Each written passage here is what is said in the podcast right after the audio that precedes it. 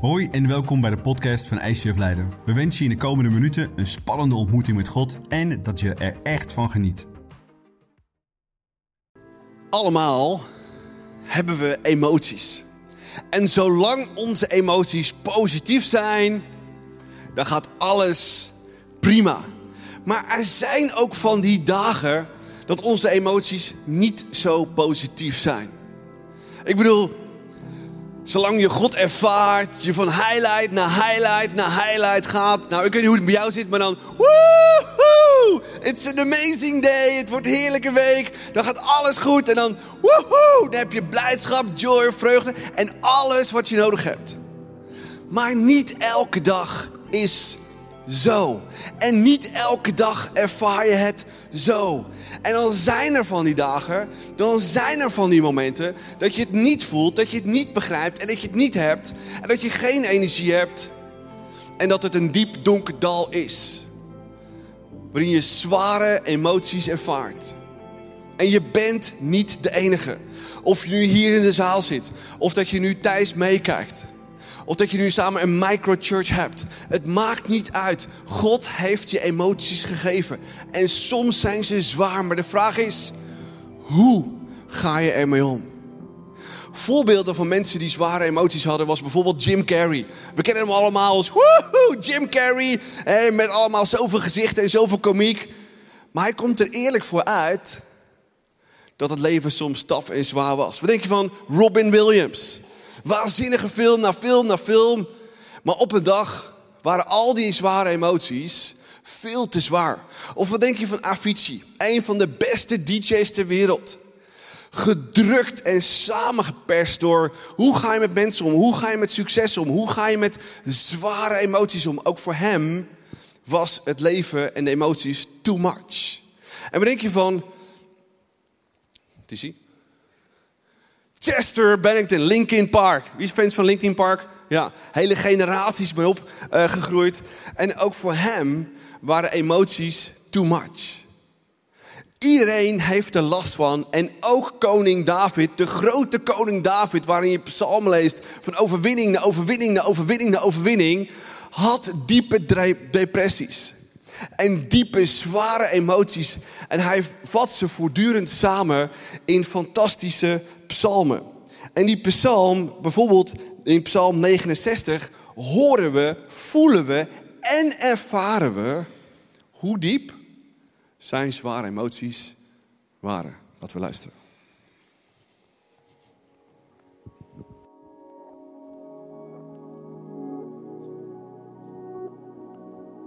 Ik zak weg in het moeras en ik kan er niet staan.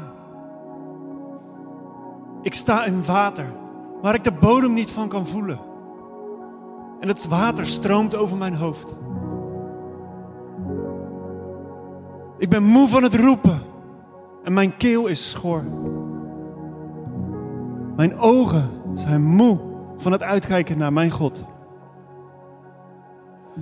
De mensen die mij haten zijn niet te tellen. En het zijn er meer dan de haren op mijn hoofd. En er is geen reden voor hun haat. Mijn tegenstanders die mij willen vernietigen zijn zo machtig.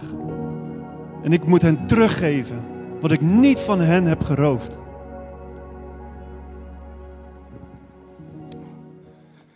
David, zo'n grote held, zoveel bereikt. Het zou voor onze tijd de grootste idool zijn, misschien nog wel groter dan Elon Musk of de grote van deze wereld, die allemaal grote, succesvolle dingen doen. En toch tegelijkertijd deze gevoelens te hebben. En soms denken we in kerk dat we dat soort gevoelens niet mogen hebben. Want ja, God is er toch altijd en, hij heeft toch altijd het beste met je voor en waarom zou je je zorgen maken? Ja, zeker. En ik hoop ook met heel mijn hart dat dat zo is. Dat je aan één woord van hem genoeg hebt. Dat je je door hem gezalfd voelt, dat de Heilige Geest bij je is. En dat hij voortdurend een wonder doet in je leven. Maar God heeft je ook gemaakt om gevoelens en emoties te hebben. En daarvan te genieten en soms zelfs zwaar te hebben. Niet om daarvan te genieten, maar het leven en jij zit zo in elkaar. En als je de Bijbel leest, dan zie je ook dat er voortdurend mensen zijn die ook die gevoelens hebben. Wat denk je van de burn-out van Mozes? Iemand een burn-out hier gehad? Of de bitterheid bij Naomi? Of de onthutsing zoals bij Hanna? Of de dodelijke angst bij Elia? Ik ga dood, want ze willen mij vermoorden en ik kan niet langer.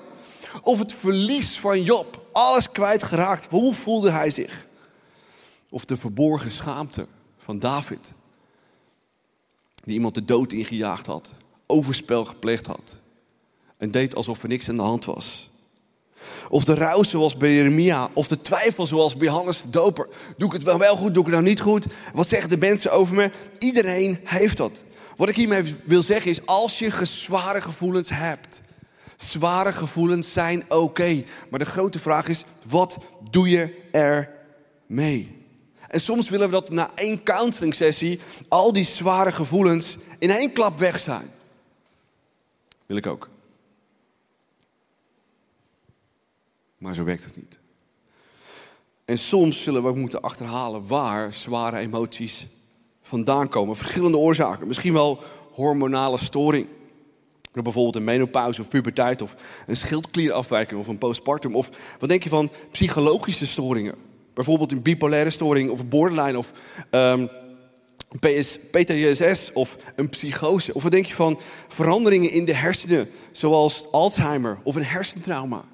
Er zijn zoveel redenen en manieren die ervoor zorgen dat we niet kunnen doen wat we normaal zouden doen. Of wat denk je van psychedelische middelen die ervoor zorgen dat we hele andere emoties en gevoelens krijgen?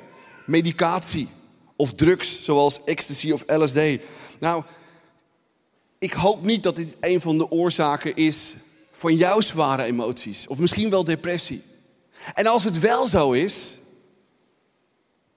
dan hoop ik dat je hulp zoekt. En als je hulp nodig hebt, dan willen wij er vandaag voor je zijn. Maar niet alleen wij, maar ook professionals. En soms denken we, we moeten alleen maar naar God toe gaan. Ja, ik hoop dat God je een wonder geeft, een woord dat hij je zalft en dat je in één klap er vanaf bent. En God kan het ook doen en ik geloof het ook. En als kerk geloven we het ook.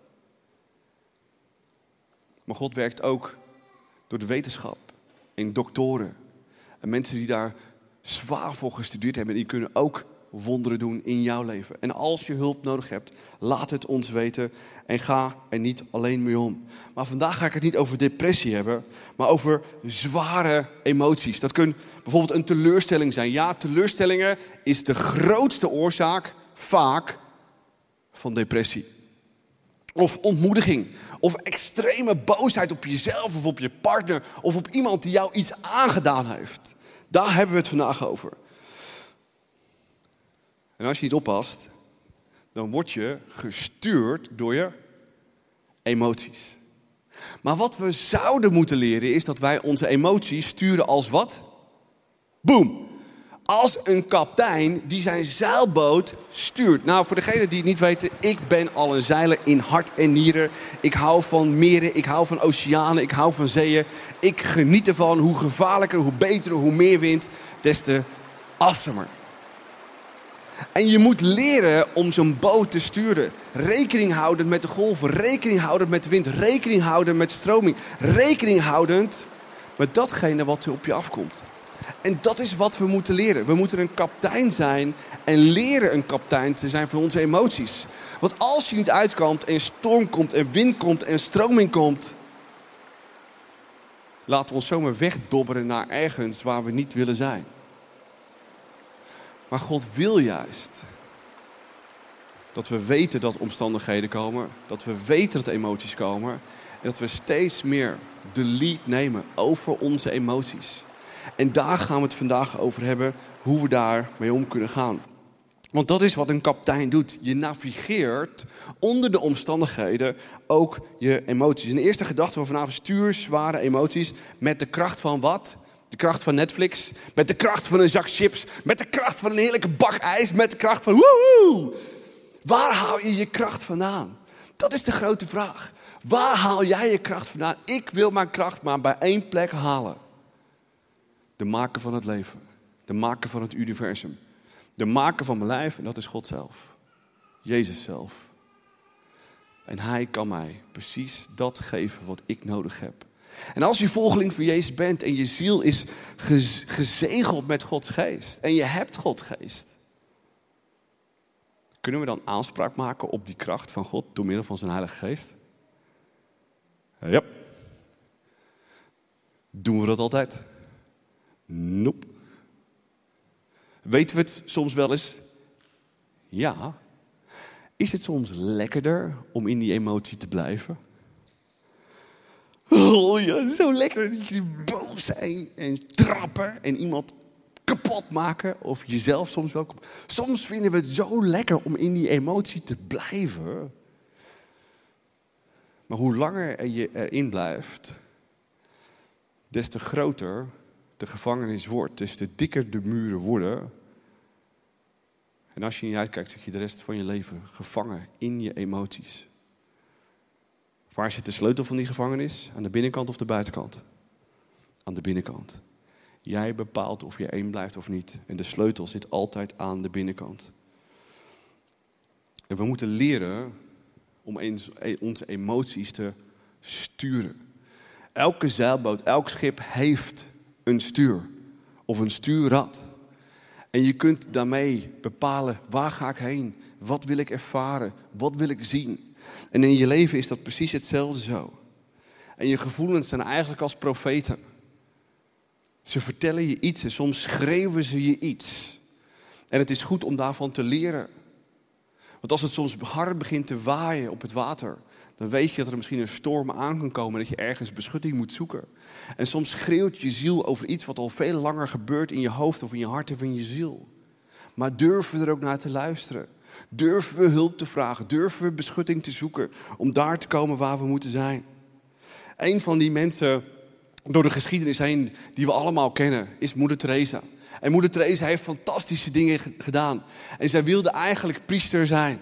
Maar in die tijd kon en mocht je geen priester zijn. En ze zeiden tegen haar: Ga maar iets doen waar je hart van overloopt. En haar hart liep over van mensen, arme mensen, zieke mensen. En zij ging naar India, Calcutta, om daar te doen wat haar hart harder deed kloppen.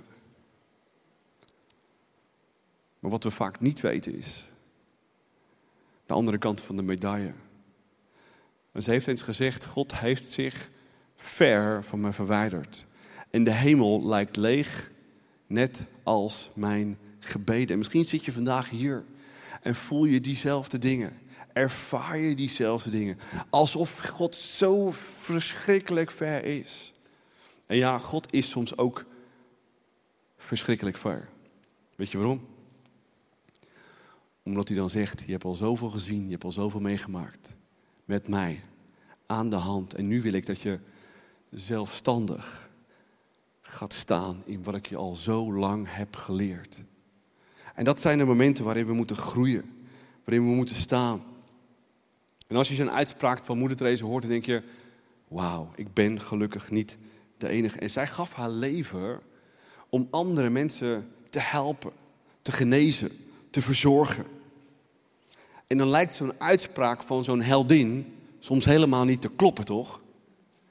En soms zeggen mensen ook wel eens van deze sprekers op het podium of mij, ja, jullie zijn zo vet awesome op zo'n podium. Ja, twee keer een half uur op zondag is awesome. Maar het is maar twee keer een half uur in de rest van de hele week. Ook wij hebben soms zware gevoelens, zware emoties. En als je al twaalf jaar lang kerk bouwt, dan weet je één ding. Dat kerkbouwen niet het meest easy is in deze wereld. Misschien wel het allerzwaarst. En dan voel je en ervaar je dingen die je eigenlijk soms niet wilt voelen en ervaren. En dan komt weer de grote vraag: waar halen we onze kracht vandaan? Wat is onze bron? Is het Netflix? Is het een pot ijs? Is het chips? Of gaan we naar de bron van het leven? God zelf. Die ons altijd weer geeft, dat kan geven wat we nodig hebben. En de allereerste stap die we kunnen nemen, en dit zijn stappen die moeder Teresa geleerd heeft aan zichzelf, aan de mensen om haar heen. En de eerste is besteed aandacht aan je fysieke en emotionele behoeften. Moeder Teresa wist dat als ik toegeef aan mijn emoties, als ik toegeef dat ik daarmee uitgeblust word, dan wint de duivel. Maar als ik niet toegeef, als ik sterf blij ondanks mijn emoties, dan wint God. En de grote vraag is altijd weer, wie wint er in je leven? God of de boze? Wil je lam gelegd worden? Of zeg je, ik heb die emoties, ik heb die gevoelens en ik ga er samen met God erheen. En soms moeten we stilstaan bij onze fysieke en emotionele behoeften. Nou, ik ben zo'n type, ik heb vuur in mijn ass. Ik wil gaan. En een half jaar geleden zei mijn lichaam voor het eerst in mijn hele leven: So goes it not tot hier en niet verder. Omdat ik moest stilstaan van wat mijn lijf me zei. En dat is wat ik moest leren. Ik heb een zeilboot meegenomen. En op een zeilboot en op een schip zit altijd één klein elementje. Wat je bijna altijd over het hoofd ziet. En als je niet uitkijkt, totaal begraven zit onder het water. En dat is een roer. En ik weet alles van schepen. Ik weet alles van zeilboten. En met een roer werkt het als volgt. Als je met een kind gaat zeilen, heb ik allemaal met mijn kinderen gedaan. Weet je wat ze met een roer doen? Nou, dat moet je dus niet doen. Een roer werkt heel gevoelig. Dus als je roert, en met name als je ook je snelheid vast wilt houden, hoe roer je dan? Zo. En het kleinste verschilletje zorgt er al voor dat het schip grote koersafwijking heeft. En als je loopt te trekken en is zo...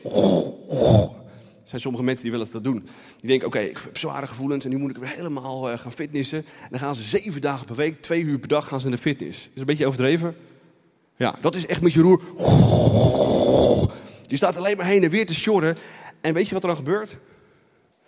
Helemaal niks.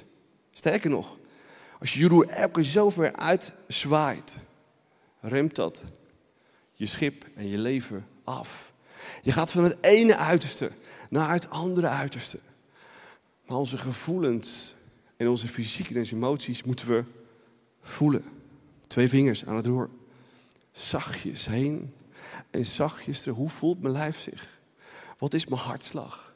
Wat zijn mijn gevoelens? En wat heeft mijn fysiek en mijn emoties nodig? En dan zul je merken, als je daar iets aan doet, dat het je ziel goed doet. In Johannes 3 Johannes staat het volgende. Geliefde, ik wens dat het u in alles goed gaat. En dat u wat? Gezond bent. Zoals het uw ziel goed gaat. God heeft maar één wens dat het je goed gaat, dat je ziel goed gaat. En ja, er zullen momenten, soms geïnitieerd door God zelf, en omstandigheden komen, dat die dingen doet in je leven dat je denkt, zo kan niet eventjes, God. En dat je gevoelens alle kanten op gaat. Maar wat doe je dan? Durf je daarnaar te luisteren? Durf je daarmee te dealen en ook daar ook echt van te lasten? En soms schreeuwt je ziel. En daar moeten we naar luisteren. Die zegt, pas op, je werkt te veel. Je bent uit balans. Je maakt te veel mee. En dan kun je wel zeggen, ja, Jezus neemt alles weg. lekker makkelijk, toch? Je werkt je kapot. Je maakt van alles mee. En zegt, ja, Jezus, je moet wel alles veranderen. Nee, God zegt, je hebt toch een verstand, je hebt toch een gevoel, je hebt toch emoties. Luister daarnaar. Luister daarnaar. En soms, als je gevoelens uit elkaar klappen, dan is dat als één grote, wat? Luidspreker! Het gaat niet goed!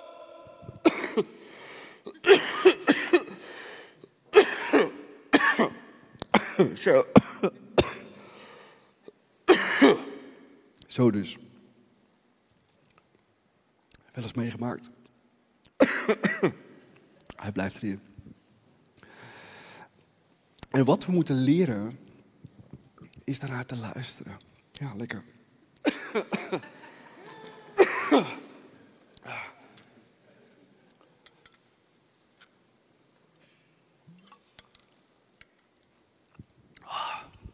Die fles van jou drinkt wel heel lekker. Alright. We moeten naar leren luisteren. En heb je hier wel eens emoties? Heb je wel eens doorgehad dat je bepaalde emoties in verschillende delen van je lichaam voelt? Er is een wetenschappelijk onderzoek geweest. Komt die. Dat je in verschillende plekken in je lijf verschillende emoties voelt. Waar voel je schaamte?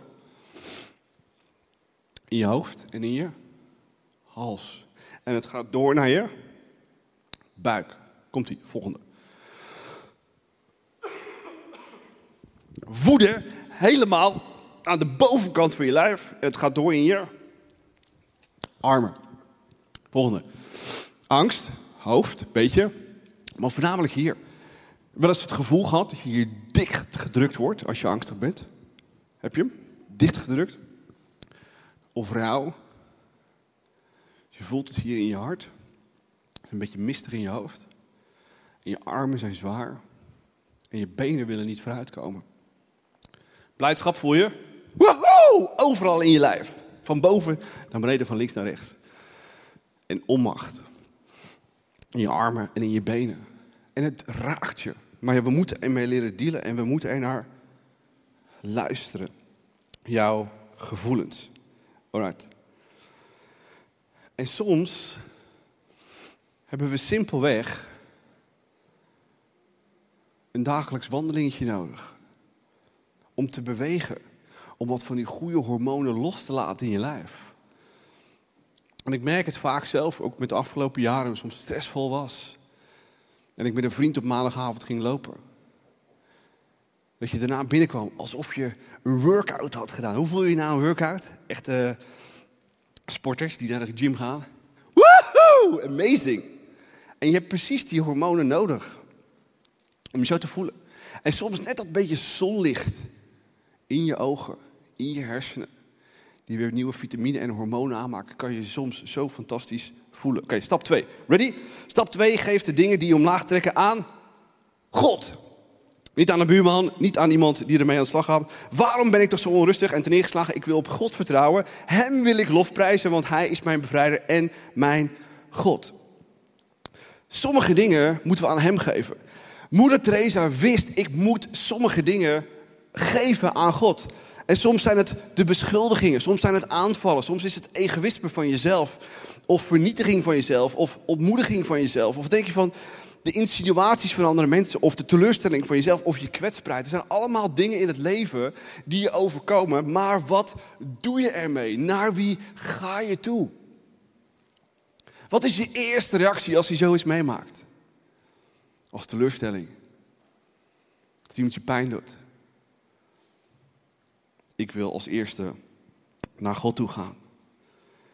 En het aan Hem brengen. En soms moeten we leren, zoals moeder Teresa,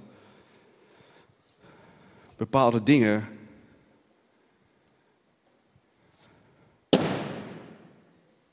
overboord te gooien. Alleen je moet wel wijs zijn wat je overboord gooit. Er zijn mensen die soms teleurgesteld worden in kerk. Weet je wat ze overboord gooien? De hele kerk. Alsof de hele kerk slecht is. Nee, het is vaak één of twee personen. Vraag genezing voor die persoon. Maar gooi kerk niet overboord. En misschien ben je teleurgesteld op je werk vanwege één collega. Gooi niet je hele baan overboord waar God misschien wel tegen heeft, dit is je roeping. Maar ga anders met die persoon om. Leer te genezen. Misschien was het wel een intieme relatie die je pijn gedaan heeft. Ga daar dan goed mee om. En wat we nodig hebben vaak is dat we enerzijds de juiste dingen overboord zetten. En anderzijds dat we Gods geest weer in ons leven laten waaien als in een zeil. En ik ben een echte zeiler. Eén, je kunt niet tegen de wind inzeilen. En twee, als je je zeilen niet omhoog doet, dan gebeurt er niks. Dus je moet die zeilen omhoog trekken, ze laten flapperen, ze wind laten vangen zodat de wind en God voor Gods geest weer door je leven heen gaat. Zodat je zijn kracht voelt, zodat je zijn vrijheid voelt, zodat je zijn liefde voelt om daar te komen waar je moet zijn. En soms laten we onze gevoelens onze gevoelens. Nee, vraag Gods geest weer voor nieuwe liefde. Voor nieuwe richting, voor nieuwe kracht, voor nieuwe wijsheid. Om daar te komen waar je moet zijn. Want ook dat moest moeder Teresa leren in haar leven. Johannes 14 lezen we het volgende. Ik zal de Vader bidden of hij een helper, trooster, adviseur, tussenpersoon, advocaat, gever of een kracht en steun wil sturen die altijd bij je zal blijven. Als je volgeling van Jezus bent. en je hebt Jezus in je leven toegelaten, je hebt de Heilige Geest uitgenodigd, dan is je ziel gezegeld met wat? Gods Heilige Geest. Je bent gezalfd, je hebt Gods Geest bij je. In het Oude Testament waren het een enkeling, een koning of een profeet die gezalfd waren met Gods Geest. Die Gods stem konden horen, die kracht kregen om het volk te leiden. Maar in het Nieuwe Testament, als je volgeling van Jezus bent, die hebt Gods Geest, dan hebben we ongelooflijk veel kracht in ons. Om Gods Geest in ons leven de ruimte te geven. Ons nieuwe gevoelens voor onszelf, nieuwe gevoelens voor de mensen om ons heen, nieuwe liefde voor onszelf, nieuwe liefde voor de mensen om ons heen. Maar durven we het toe te laten dat Gods Geest meer ruimte krijgt in ons leven? Zodat we meer gaan lijken op Jezus. Want soms is dat heel taf. En moeder Theresa moest dat ook leren. Ze moest leren omgaan met egoïsme. Mensen zijn onredelijk, zei ze, en onlogisch en gericht op zichzelf. Maar wat moet je dan toch doen? Hou van ze. Egoïsme. Insinuatie, als je iets goed doet, dan zullen mensen insinueren dat je egoïstische motieven hebt. Wat moet je dan doen? Doe toch het goede. Of wat denk je van de volgende? Teleurstelling. Wanneer je succesvol bent, zul je valse vrienden en echte vijanden maken. Wees toch succesvol. Precies. Ontmoediging. Het goede doel wat je doet, wordt de volgende dag alweer vergeten. Doe toch het goede. Of wat denk je van de volgende? Kwetsbaar zijn. Eerlijkheid en openheid maken je kwetsbaar. Wees toch eerlijk en open. Of denk je van vernietiging? Wat je jaren kost om op te bouwen, kan in een oogwenk door andere mensen kapot gemaakt worden. Wat moet je doen? Bouw het toch en doe toch het goede. Of de aanval. Jouw hulp is nodig, maar mensen kunnen je aanvallen als je, als je ze helpt. Help ze als nog. Cancel ze niet. In onze tijd. Beschuldiging. Geef de wereld het beste van jezelf. En ze zagen aan je stoelpoten. Is zo. Heb ik ook meegemaakt. Ook in kerkbouw. Wat doe je? Je geeft de wereld toch het beste. Stap 4. Ready?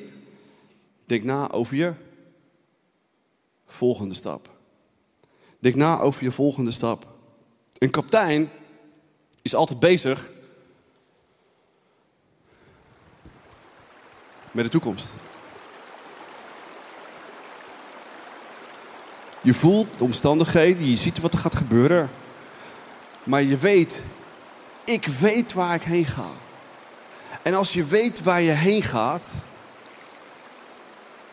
is dat zo'n groot anker in je gevoelens.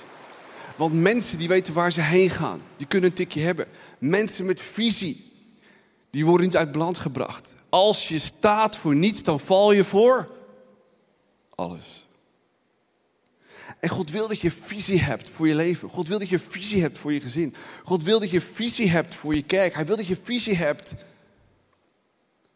voor je werk en je gevoelens. En die brengen je thuis. En die help je. Zo ga je om met gevoelens.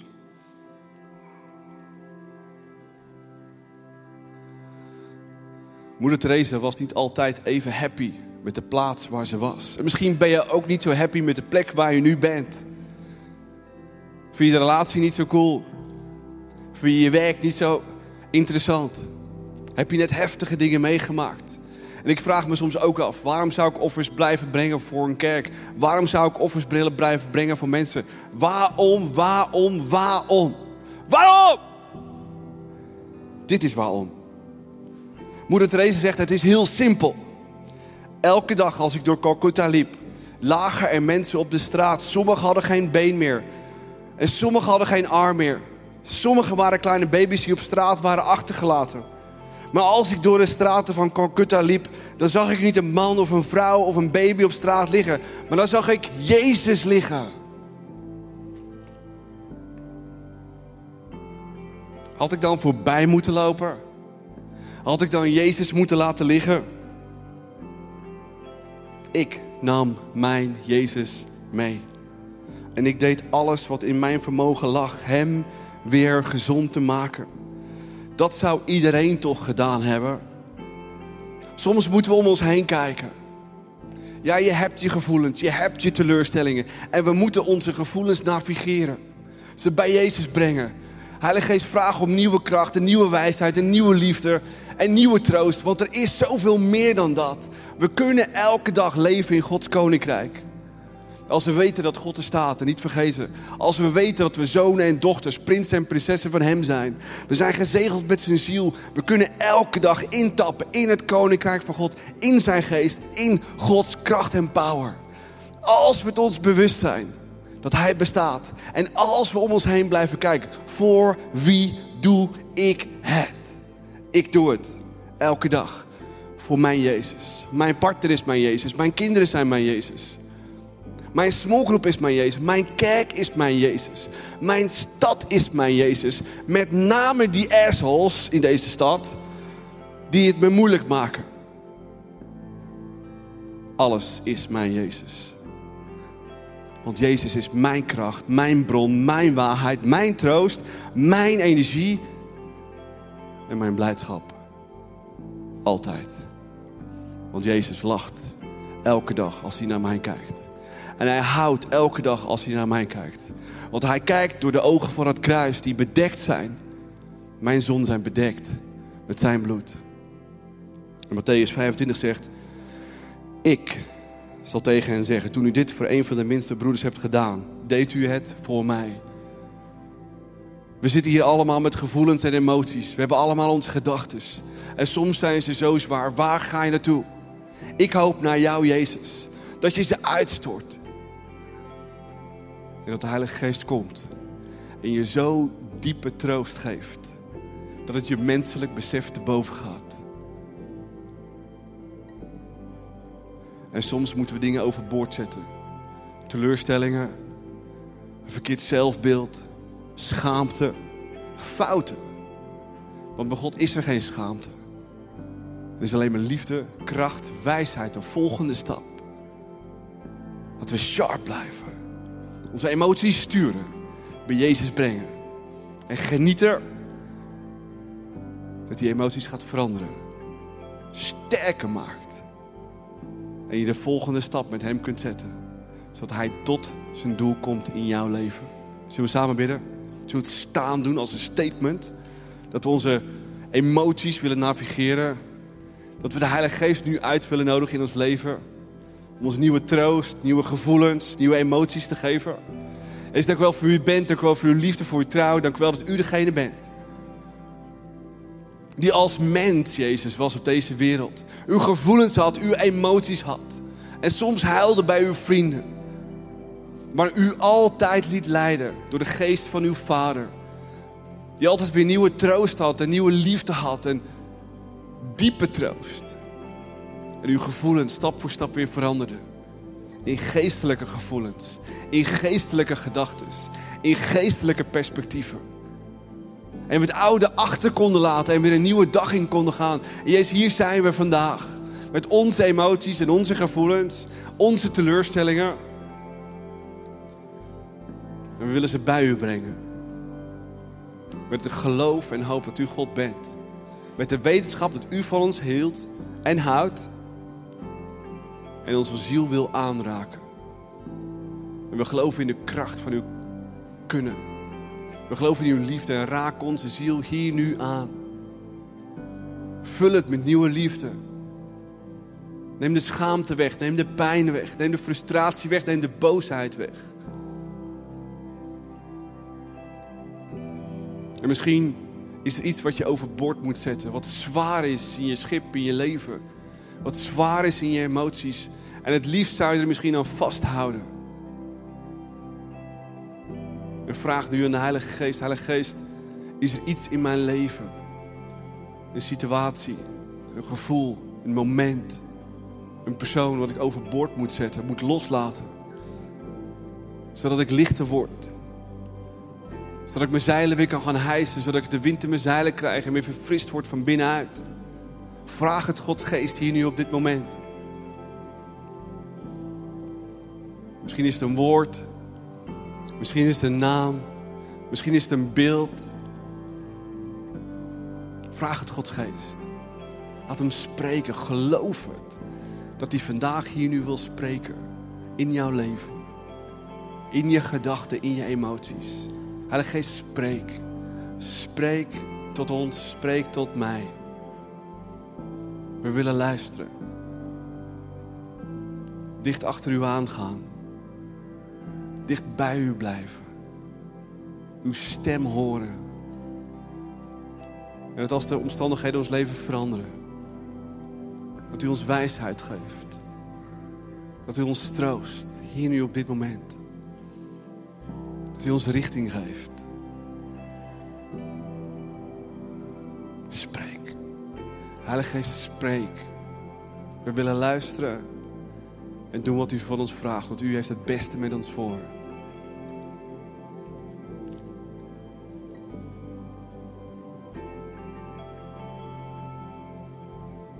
Jezus, we willen meer en meer zoals u dat deed. Niet leven in onze emoties. Maar leven naar de geest van God die sterk is. Die overtuigend is. Die vrede brengt. En rust die het menselijk besef niet kan beseffen. Ja, stormen zullen komen in ons leven. In ons lichaam. Maar u bent daarbij. U heeft alles onder controle. Leid ons leven. Leid mijn leven. Misschien heb je Jezus nog nooit actief in je leven uitgenodigd. Misschien is je ziel nog nooit gezegeld met Gods geest. Misschien heb je nog nooit stilgestaan bij het kruis van Jezus om Hem daar te bedanken voor wat Hij voor jou deed. Waarom niet vandaag? Als we Jezus in ons leven halen, verandert alles. Schaamte verdwijnt, pijn verdwijnt, moeite verdwijnt, doelloosheid verdwijnt. Als je dat wilt, spreek met me mee. Jezus, dank u wel voor wie u bent. Ik snap nog niet alles wie u bent. Maar ik snap één ding. U stierf voor mij. U houdt van mij.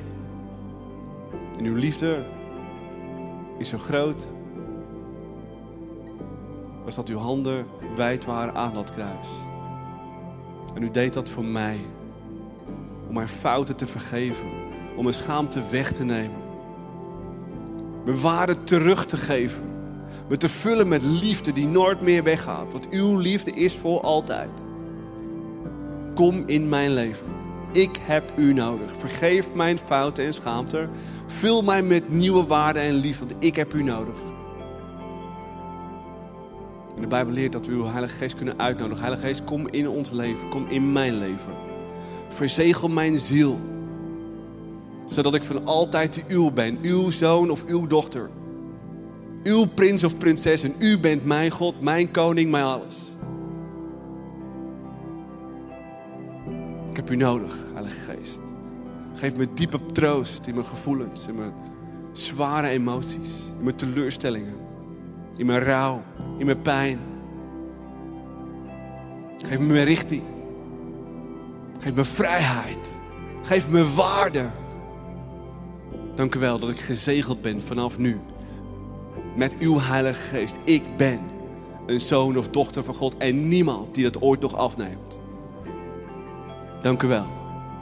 Dank u wel dat u met ons meegaat vandaag. En vanaf vandaag willen we elke dag bewust zijn van onze emoties. Onze fysieke gesteldheid. Daar rekening mee houden. U vraagt om raad en advies. Maar bewust zijn elk moment van de dag. In ons werk, in ons gezin, in onze onderneming. Dat u er altijd bent. Voor wijsheid, voor richting, voor troost. Dank u wel, Jezus. Amen. Wij hopen dat deze podcast je heeft geïnspireerd en verder geholpen heeft in je relatie met God. Wanneer deze podcast je geraakt heeft en je de inhoud ervan wilt helpen verspreiden, deel dan deze aflevering op jouw favoriete social media platform. Op deze manier horen meer mensen over Jezus en deze boodschap van hoop. Je kunt ons ook financieel ondersteunen, waardoor we een maximaal bereik krijgen op het internet en nog meer mensen nieuwe hoop krijgen. Bedankt voor alles wat jij mogelijk maakt. We geloven dat kerk een familie is, dus of je nu live erbij bent of online meeluistert, we willen jou graag persoonlijk leren kennen. Als we jou persoonlijk verder kunnen helpen, dan horen we dat graag. Check voor info en meer mogelijkheden op onze website. Fijne dag.